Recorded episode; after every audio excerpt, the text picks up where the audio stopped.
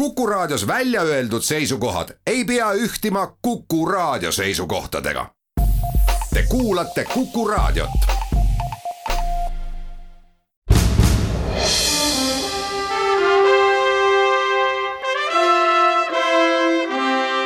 vahetund Postimehega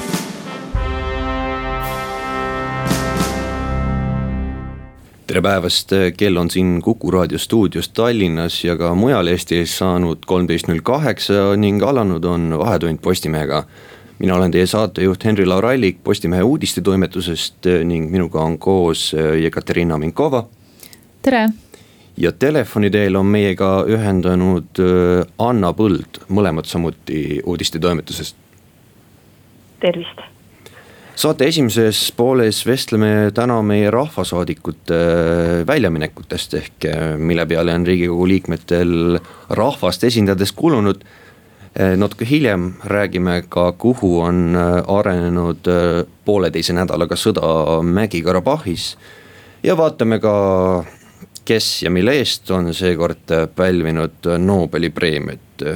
aga esiteks alustame mõistatusega ja mõista, mõista, et äh, mis tabel see on, et meil on tabeli eesotsas äh, Mihhail Stalnuhhin ja lõpus äh, Siim Pohlak. et Anna, mis tabeliga tegu on ja mis sealt siis selgub? jah, et ma arvan, et sellisel teravamal uudiste jälgijal on kuluhüvitised iga-aastane teema, ehk siis tegemist on siis meie järjekordse kuluhüvitiste edetabeliga, ehk siis seal kesk, kõige kõrgemas tipus troonib siis Mihhail Stalnuhhin, kes äh, siis kasutas kuue kuu jooksul esimesel poolaastal ära siis täies mahus talle ette nähtud äh, summa, hüviti-, hüvitatava summa ja siis kõige viimane on äh, Siim Pohlak, kes põhimõtteliselt ei kasutanud sentigi. nii et näeme, kui palju erinevad meil ikkagi siis saadikud parlamendis, aga tegelikult äh, jah, et kuluhüvitiste puhul on ju teatavasti ikka aeg-ajalt siin-seal tõstatatud nende ärakaotamise ideed, aga, aga see plaan pole kuskile jõudnud. Äh, niisiis äh, täna me ikkagi räägime sellise seadusega ette nähtud noh, võib öelda niimoodi, et ka boonusega rahvasaadikutele mis on lisaks riigikogulase palgale võimalik veel ära kulutada. küll aga teatud mööndustega, et erinevalt siis palganumbritest on kuluhüvitised alati hästi terava avalikkuse tähelepanu all ja sellepärast me täna siin ka sellest räägime ja kui me võtame näiteks Riigikogu tavaliikme, kelle palk siis pärast aprillikuist suurenemist on siis hetkel circa neli tuhat Anna vist katkes meil ära, aga õnneks meil äh, Katja on veel siin stuudios olemas. Äh, ma hakkasin just küsima, et sii-, need kuluhüvitised on esimese poole aasta peale äh, tehtud ja siia esimesse poole aastasse, poolde aastasse jäi meil ju koroonakriis. ma eeldaks, et koroona ajal me kulutame vähe, aga ma saan aru, et mul ei ole õigus. no natukene ei ole jah, et Äh, kui vaadata näiteks läbi aastate, näiteks kaks tuhat seitseteist oli mm, kokku üle miljoni maksis siis riigikantselei äh, kuluhüvitiste kohta. Ähm, ja mm, poole aasta on siis viissada kakskümmend neli tuhat äh, oli ja eelmisel aastal esimesel kuu, kuu kuue kuu jooksul äh, siis maksis riik rahvasaadikutele ligi viissada kakskümmend seitse ja pool tuhat, eks natuke rohkem kui kaks tuhat seitseteist okei okay,, ja see aasta meil on siis esimene poolel oli nelisada üheksakümmend tuhat, mis on küll vähem äh,. circa kolmkümmend seitse tuhat ja pool äh,. aga noh, siin oli vahepeal ka palgatõus ja indekseeritud palgatõus ja äh, no võib öelda, et umbes äh, sama palju siis äh, palusid äh, hüvisid poliitikud endale, enda kuludele. ma ka mainin, et on jõudnud rääkida, et mille eest siis või mida hüvitatakse et para-, parlamendi liikme tööga seotud kulutused on sõidukulud, side- ja postikulud, lähetuskulud, bürookulud, koolituskulud, esindus- ja vastuvõtukulud tõlketeenuse kulud, majutuskulud ning uuringute ja ekspertiiside kulud. no kui meil on koroonakriis, siis ja riigikogus nii-öelda neid kohapeal istungeid oli oluliselt vähem ja valijatega ka kohtuda ei saanud, et. kuidas, kuidas, kuidas siis ikkagist need kulutused on tulnud või miks, miks on neid tehtud? hästi palju tegelikult oli sõidukulutusi ja esinduskulutusi, vaatamata sellele, et oli mm, eriolukord ja riigikogus oli istungid äh, peamiselt esmaspäeviti ja kolmapäeviti, infotunnid äh, väikestes gruppides kokku, küll saidi kokku, aga noh, kui vaadata, need sõidukulutused on päris suured. Ja ju siis inimesed sõitsid kogu aeg autoga ja vähem äh, ühistranspordiga ja said kokku ikka, no näiteks ma ei tea võtaks ette kõige suurimad sõidukulutajad on näiteks Kalvi Kõiv kes on siis üle kuue tuhande eest sõitnud poole aasta jooksul. ja, aga tegu on ähm, tõenäoliselt Tallinnas kõige kaugemal elava riigikogu saadikuga. samas näiteks Martin Repinski on sõitnud, kes on ka Ida-Virumaal muidu elab, on sõitnud ja ta on Jõhvi osakonna juhina ja seetõttu ta ütles, et äh, kuulus kütusele märkimisväärne summa. ja tegelikult ta ütles, et ta oli päris aktiivne ja kohtumisi oli erinevates formaadides. aga noh, täpselt ju ei saa teada, et kuhu äh, inimesed on sõitnud ja mida teinud selge, aga ma vaatan, et meil on aeg väikeseks reklaamipausiks ka, et äh, tuleme tagasi ja kindlasti jätkame teemadega, mis poliitikud põhjendustena välja tõid, miks nad mida kulutasid.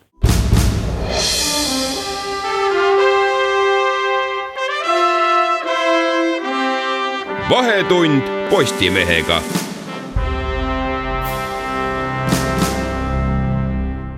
tere tulemast tagasi, kuulate Vahetundi Postimehega, stuudios on Henri Lorallik,Ekaterina Minkova ja Anna Võld. jätkame kuluhüvitiste teemal ja võib-olla ma enne ei jõudnud küsida, aga mida siis poliitik, kuidas poliitikud siis põhjendasid, et miks nad mingeid kulutusi tegid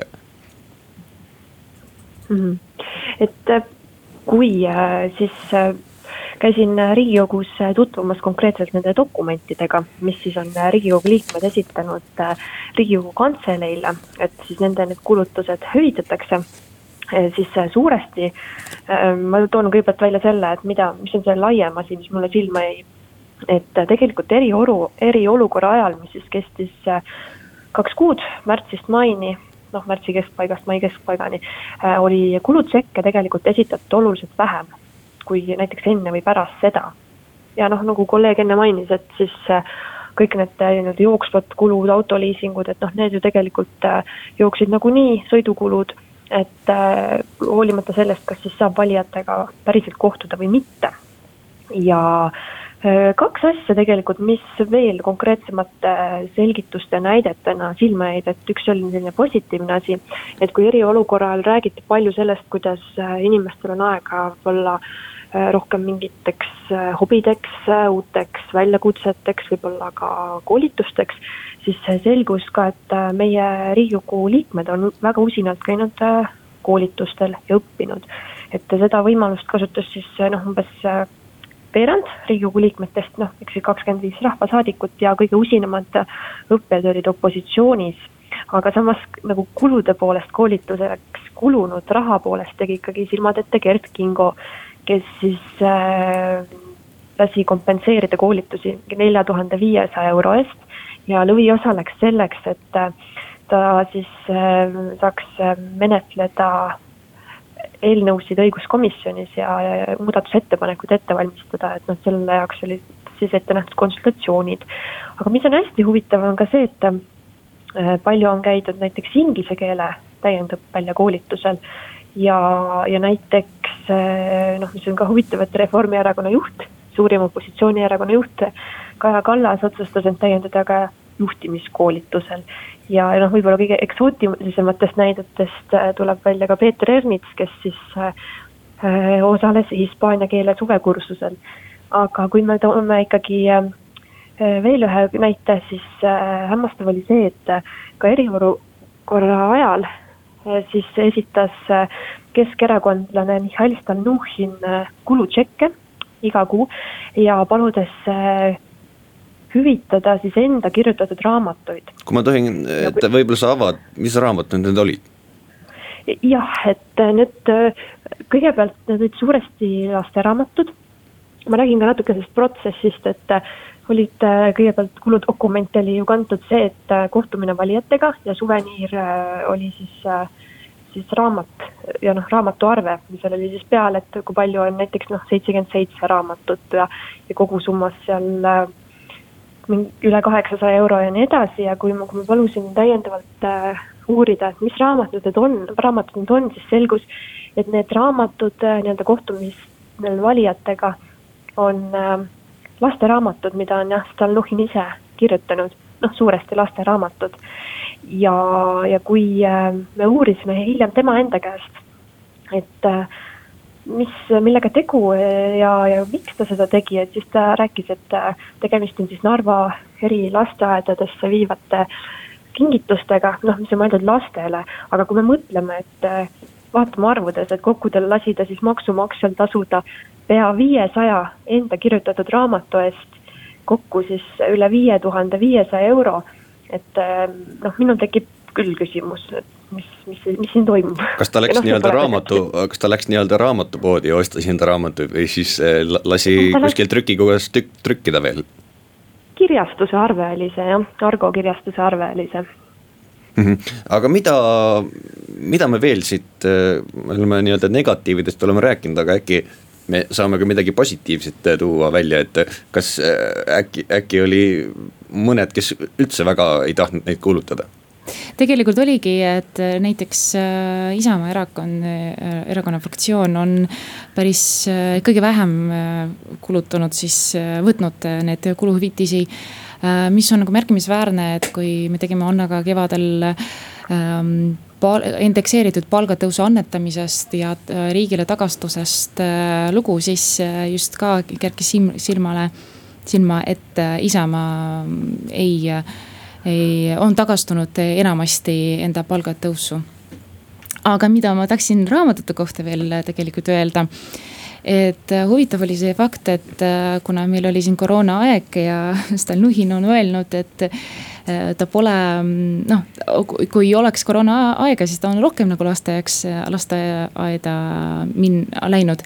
aga noh, äh, need arved on, olid esitatud ka nende nii-öelda eriolukorra kuude eest aga näiteks, äh, mida me vaatame läbi aegade nii-öelda edukamate siis raamatukirjutajate ähm, kohta siis saaks öelda, et varem on ka näiteks Mart Helme küsinud, palunud hüvitisi enda raamatute eest. siis oli ka mm, näiteks Henn Põlluaas ja, ja ka Valdo Randpere aga mm, võrreldes Stalnuhhina on ikka see arvuliselt, ma mõtlen, maa ja taevas vahe. sa enne rääkisid, et keegi oli oma Facebooki postitusi ka tõlkinud Äh, jah, äh, tuli välja, et äh, Maria Jufereva-Skuratovski, kes on keskerakondlane, on palunud tõlgehüviti, tõlgeteenuse hüvitise mm, siis maksta, mis olid talle üle tuhande euro ja seda ta kasutas kaasa arvates ka Facebooki postitusel tõlkimisele eesti keelde. ja ma siin kiiresti vaatasin, et mis need postitused siis olid Äh, eelmise siis äh, kuue kuu jooksul ja üks nendest oli näiteks esitan top viis sündmust, mille täht-, äh, täitumist ootan käesoleval aastal või siis digiesmaspäev uueks traditsiooniks, mina vaatan selle kasutamisel optimistiga.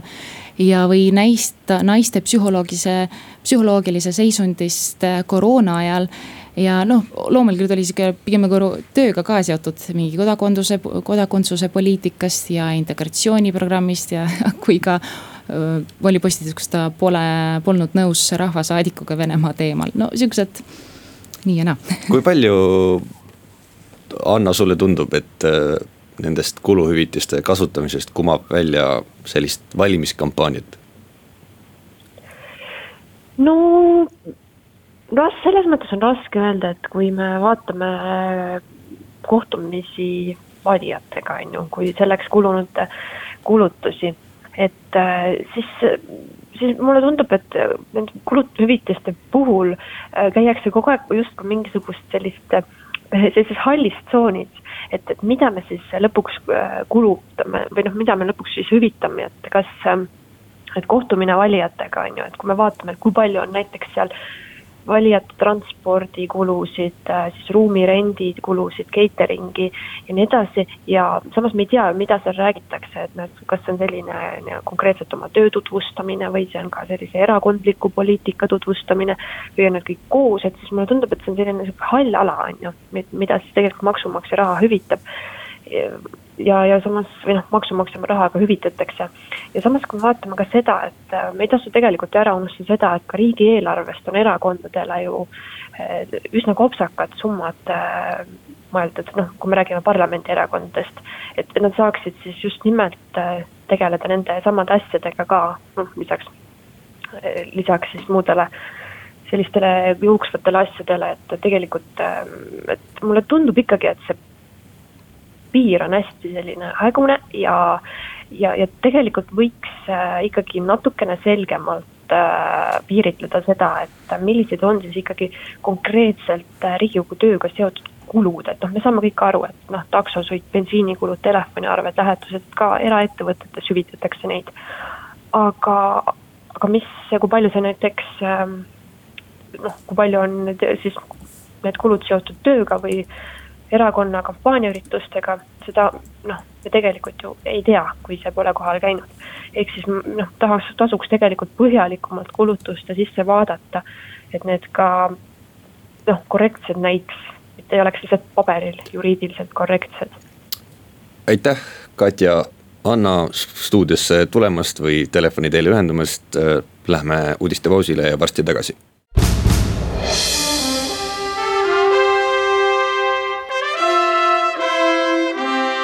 vahetund Postimehega.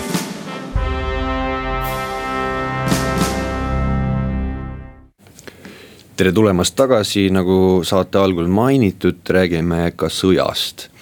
juba pea poolteist nädalat äh, on möödas, äh, mil taas algas siis Mägi-Karabahhi piirkonnas tuline selline rahvus- ja territoriaalkonflikt Armeenia ja Aserbaidžaani vahel et praegu on siin teatatud juba üle kahesaja hukkununi sõdureid, aga ka suurel määral isegi tsiviilisikuid ja olen palunud stuudiosse Postimehe välistoimetuse reporteri Martin Kuti, tervist. tere.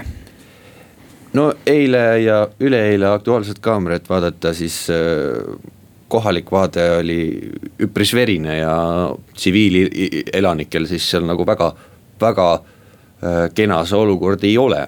et äh, kuidas sulle tundub, et kuhu see sõda on pooleteise nädalaga jõudnud? no eks olukord on segane, eriti siit kaugelt vaadates, et äh, me täpselt ei tea, mis piir, mis olukord seal piirkonnas on, et alles selle nädala alguses teatas Mägi-Karabahh, et, et tõmbas oma väed siis taktikalistel põhjustel mõnest, mõnest kohast rindelt tagasi. ja aserid ütlesid seepeale, et, et vastane põgeneb, et propagandamüra on tegelikult olnud ka väga kõva ja seetõttu on päris keeruline distantsilt hinnata. Äh, aga mõlemad pooled on rääkinud edukatest operatsioonidest kohati. aga kui mingisugustki tervikpilti püüda kokku panna, siis paistab, et, et Aserbaidžaan on sõjategevuses olnud edukam. aga nüüd, äh, nagu sa ka mainisid, siis tsiviilelanikkond et see on üks päris ohtlik areng, mis on äh, viimastel päevadel olnud, et olukord on muutunud halvemaks. rünnakuid on ette võetud linnade ja tsiviilelanike vastu ja see, et, et need konflikti piirid konflikti piirkonna piirid nihkuvad ja, ja suurtükituli on tabanud linnasid, mis ei ole võib-olla isegi seal selle rindejoonele kuigi lähedal, et see on, see on kahtlemata väga murettekitav äh, areng ja see märgib ka konflikti eskaleerumist selles mõttes, et äh, tsiviilohvrite arv võib hakata väga kiiresti kasvama ja seega territoriaalselt võib siis laieneda see konflikt et täna hommikul just nägin teadet, et, et mingite andmete kohaselt on kodudest põgenenud pooled Mägi-Karabahhi elanikest. ehk siis umbes seitsekümmend kuni seitsekümmend viis tuhat inimest, et mõned on põgenenud mujale Mägi-Karabahhi, mõned Armeeniasse, et. Aserid on päris intensiivselt pommitanud siin Mägi-Karabahhi pealinna Stepanakerti ja kasutavad ka siis kobarpomme, mis on paljude riikide poolt on ta, on ta keelustatud. Armeenia ja Aserbaidžaan ei ole selle konventsiooniga liitunud ja see, kui sealt koha pealt ka videoid vaadata sotsiaalmeediasse on päris palju tulnud, et see kobarpommide kasutamine, see on üsna sünge vaatepilt, üsna, üsna hirmutav. no kohal, kohalike käest me kuuleme muudkui mainitakse Türgit, et Türgi, kes Aserbaidžaani taga seisab, et, et, et Aserbaidžaan on justkui äh, kõigest äh, nagu Erdogani äh, ütleme selline ettur, et kui tõeseks või kui nii-öelda õigeks sa seda väidet pead? No kindlasti on siin äh, piirkondlike suurjõudude Venemaa ja Türgi tegevus, äh, noh, see on, on oluline selle konflikti äh, kontekstis ja Türgi noh, mõnes mõttes võib öelda, et äkki kindlustab ennast selle piirkonna suurjõuna praegu, ta näitab oma sõjalist võimu. sekkub otseselt konflikti ja tegelikult kui nüüd vaadata, ta võib omada ka seda lahenduse võtit tegelikult, sest Türgi on ju praegu, kui me oleme vaadanud, mis retoorika Ankara on valinud, see on küllaltki sõjakas ja ta on otseselt valinud pooli, ta on otseselt astunud Aserbaidžaani selja taha ja andnud ka relvastust, ma saan aru. jah, ja tegelikult ka on räägitud siin, et, et Süüria palgasõdurid, mässulised on, on sinna kohale viidud, et väidetavalt siis makstakse neile kuskil natuke üle tuhande euro kuus, et nad läheksid, võitleksid seal. et noh, väidetavalt siis pettusega nad sinna saadakse, et, et öeldakse, et lähete valvate olulisi energiaobjekte, aga, aga siis lõpuks lõpetavad kuskil lahingus. no me võime öelda, et Armeenia taga justkui seisab ka, mitte küll nii intensiivselt ja nii selgelt, seisab ka Venemaa. et see on mingis mõttes ka selline mm, Vene-Türgi vastasseis või isegi noh, kas ma ei tea, kui õige on öelda Vene-NATO vastasseis, Türgi on ka NATO liige. kuidas sulle tundub, et kas see e, Türgi-Vene vastasseis e, jääb selliseks, selliseks külmaks või võib ka see eskaleeruda? Noh, see tegelikult ei ole midagi uut, nagu Kalev Stoicescu eelmine nädal väga tabavalt märkis, oli, et, et Türgi ja Venemaa on tegelikult silmitsi nüüd juba kolmes käsilassõjas. Neil on Süüria, neil on Liibüa ja nüüd on neil ka Mägi-Karabahh, et et äh, näis, mis, mida Venemaa teeb, see on tegelikult väga huvitav, huvitav küsimus, sellepärast et äh, Venemaa on tegelikult enda kohta võtnud ikka väga sihukese tagasihoidliku joone praegu, et nad ei ole seal äh, midagi ise hakanud väga surkima, nad on öelnud, et, et kuulge, et rahuneme maha nüüd. eks nende huvides mingit pidi on mõlema poolega läbi saada. et, et me teame, et neil on suhted läinud siin Aserbaidžaaniga viimasel ajal natuke kehvemaks, ega ka Armeeniaga, noh uue peaministriga võib-olla ei ole need suhted nii head, kui nad on olnud varem aga, aga kindlasti neil mingisugused kaalutlused on, et, et oluline on ka näha seda, millal Venemaal võib-olla see punane joon kätte tuleb, et, et kui nad näevad, et Türgi õõnestab nende sihukest strateegilist mõjuvõimu seal piirkonnas. et millal nad sekkuvad, ütlevad, et nüüd aitab, et, et, et meie oleme ikkagi peremehed siin. et see on kindlasti Venemaal üks, üks kaalutlus no ja kui, kui vaadata ka laiemalt, et Venemaa selliseid vaatepunkte või teooriaid, millest nad võiksid lähtuda, on on see, et, et Putinil on ju tegelikult kodus asjad korrast ära. erinevad probleemid, populaarsus langeb, et, et, et seal oleks jällegi võib-olla sekkumine, kui vaadata natuke ajalukku mõni aasta tagasi, et, et sekkumine kuskil mujal võiks aidata lahendada koduseid probleeme. noh, see võib, võime seda muidugi ka laiendada Türgi peale, et Erdoganilgi on, on kodus muresid, et ja temagi peab tegelikult sõda seal, varisõda siis võõras riigis praegu kuidas sulle on tundunud, et äh, kui palju on see Mägi-Karabahhi sõda võtnud ära teistelt olulistelt välisteemadelt, tähendab mulle on nagu selgelt jäänud, et kui varem meil oli väga lähe, lähe lokaalne nii-öelda probleem oli Valgevene, sellest räägiti väga palju, enam ei ole nagu kuulnud või kuidas sulle endale tundub? no eks meedia jaoks kindlasti, et äh, meil on äh, kuum konflikt, mitte nii üle, ülemäära kaugel meist, et loomulikult see on, on, võib-olla seda tähtsust või suurema tähtsuse saanud siin. aga, ja no mingil määral kindlasti ta on ka Valgevenelt selle tähelepanu kõrvale juhtinud ja paistab tegelikult, et Lukašenka režiim on Valgevenes hakanud viimastel nädalatel jälle natukene jõulisemalt äh, tegutsema ähm, samas on positiivne, et kui me vaatame, me ei vaata meediat, vaid vaatame meediast mööda, siis äh, on positiivne, et Euroopa Liit suutis möödunud nädalal äh, sanktsioonid heaks kiita lõpuks siis Valgevene režiimi suhtes. ja Svetlana Tihhanovskaja kohtus äh, eile just Angela Merkeliga. et see näitab, et seda teemat tegelikult unustatud ei ole, et see on, et asjad liiguvad. ja noh, kindlasti on ka selle konflikti puhul ajastus oluline, kui me vaatame seda, mis maailmas toimub, eks, et meil on suur pandeemia, meil on USA presidendivalimised tulekul meil on, probleeme on see aasta nagu väga palju pakkunud, et ja kindlasti selle ajastusega ka Türgi, Aserbaidžaan. mängis rolli kui nüüd äh, teemat kokku võtta, kuidas see äh, sõda lõpeb selleks, kui ruleti laua taha minek? nojah, kardetavasti küll et eh, eks siin ma arvan, väga suurt rolli mängibki see, need piirkondlikud suurjõud, Venemaa, Türgi, mida nemad tahavad. Kui suur on nende soov seda konflikti lahendada, me teame, et meil on ka see nii-öelda OSCE Minski grupp mida siis mõned nimetavad täiesti mõttetuks äh, algatuseks, mõned nagu näevad, et, et neil võiks olla mingit rolli. seni on see grupp kutsunud üles, et, et kuulge, et rahuneme maha, räägime läbi. aga ma arvan, et selleks oleks vaja, et üks pool siis saavutaks edu või tunne, tunnetaks, et, et tal on vaja hakata läbi rääkima, mõlemad praegu siiski näevad, nad loodavad sõjaliste meetmetega lahendada enda jaoks selle probleemi. Martin Kuti, aitäh selle vestluse eest ja kuulame ära kommertsteated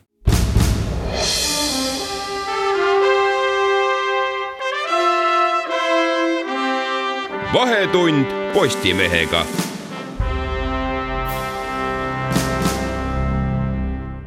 tere taas, kuulate saadet Vahetund Postimehega ja nagu alguses lubasin, siis täna ei räägi ainult poliitikutest ja sõjast räägime ka natuke teadusest ja Nobeli preemiatest. selleks olen palunud stuudiosse Postimehe teadustoimetaja Kaur Marani. tere päevast no sellel aasta, sellel aastal nagu igal aastal jagatakse Stockholmis äh, siis praegusel juhul äh, Rootsi Riikliku Teaduste Akadeemia nii-öelda eestvedamisel välja siis Nobeli teaduspreemiaid, et meditsiini ja füüsikapreemiad on juba eelmistel päevadel selgunud, aga ma saan aru, Kaur, et sul on raadiokuulajale ka väike üks uudis. ja uudis on see, et täna tuli siis välja keemiapreemia, tehti nüüd üsna täpselt tund aega tagasi teatavaks.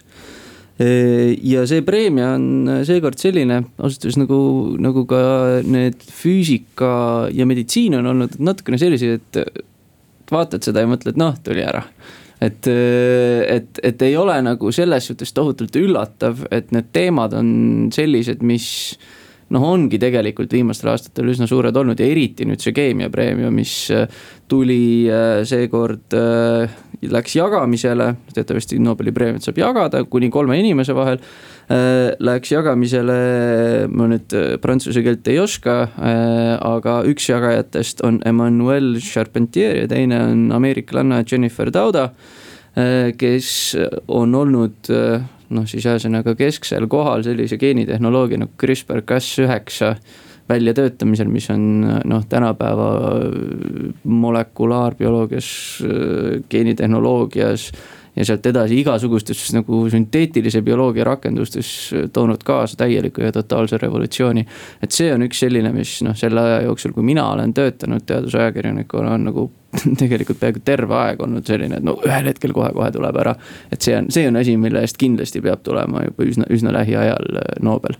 Ja tuli ära. Ja üsna noored naisterahvad said selle seekord.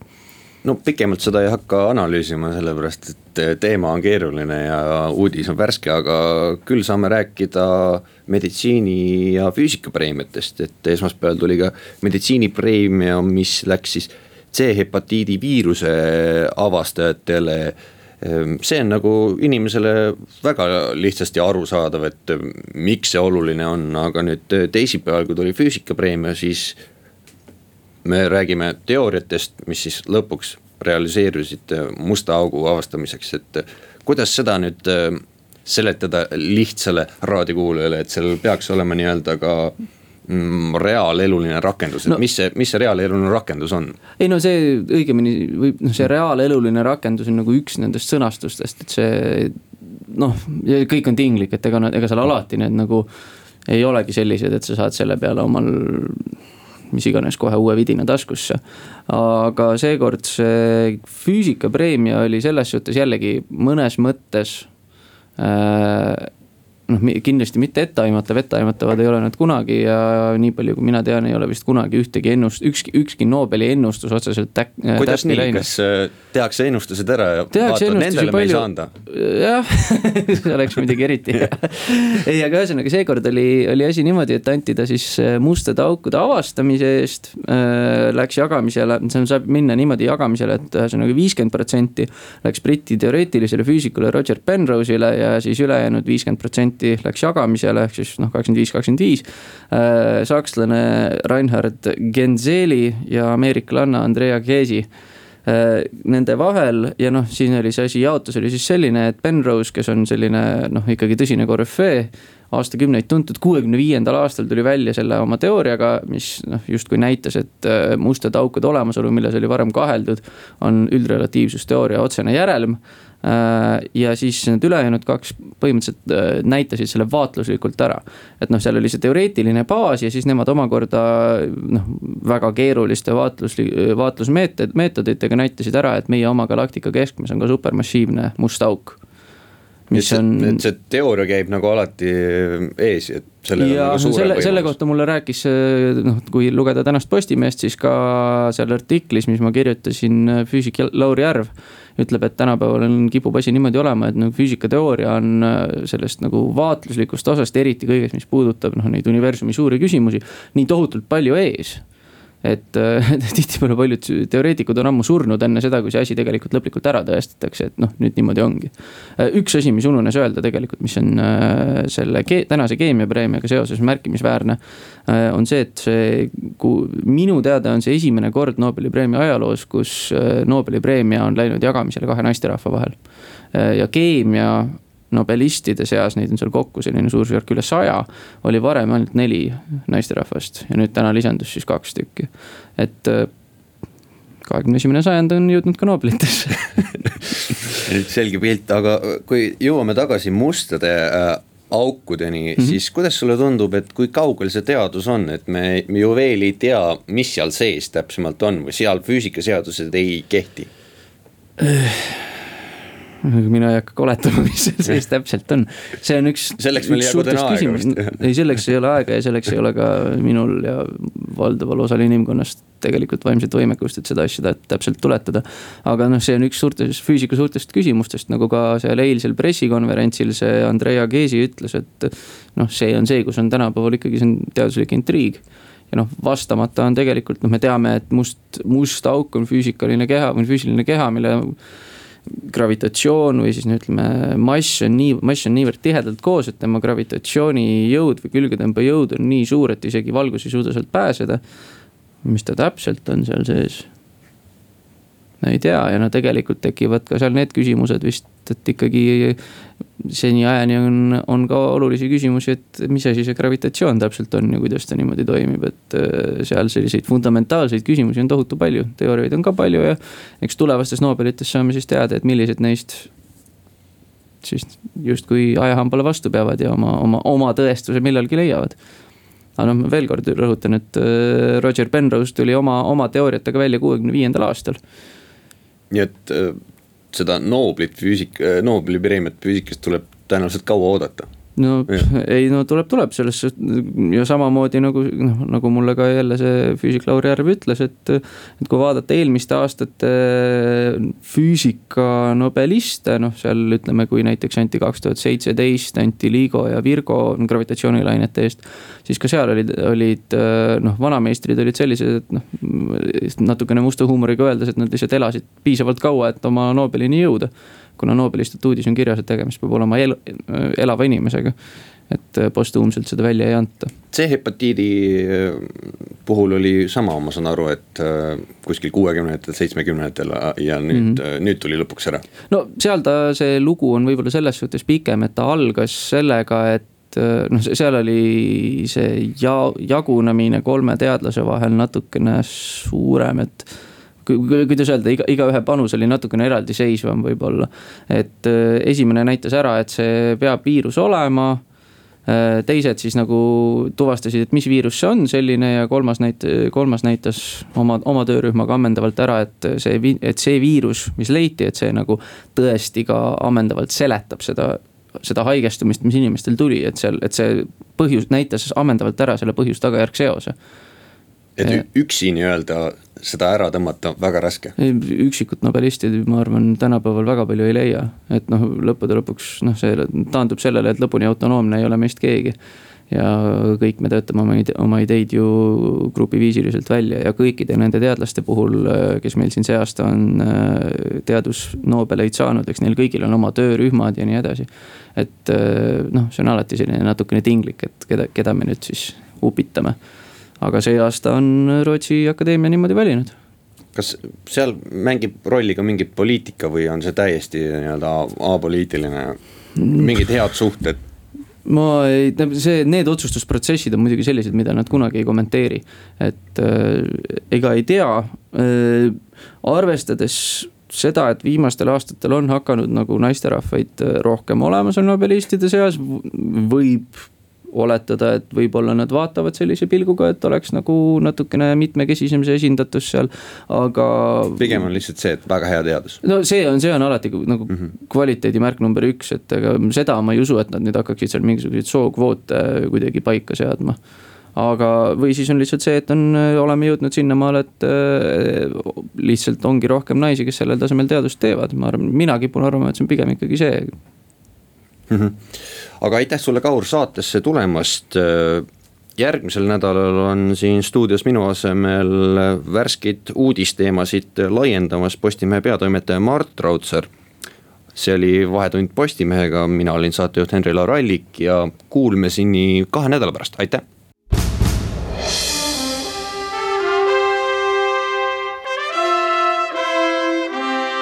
vahetund Postimehega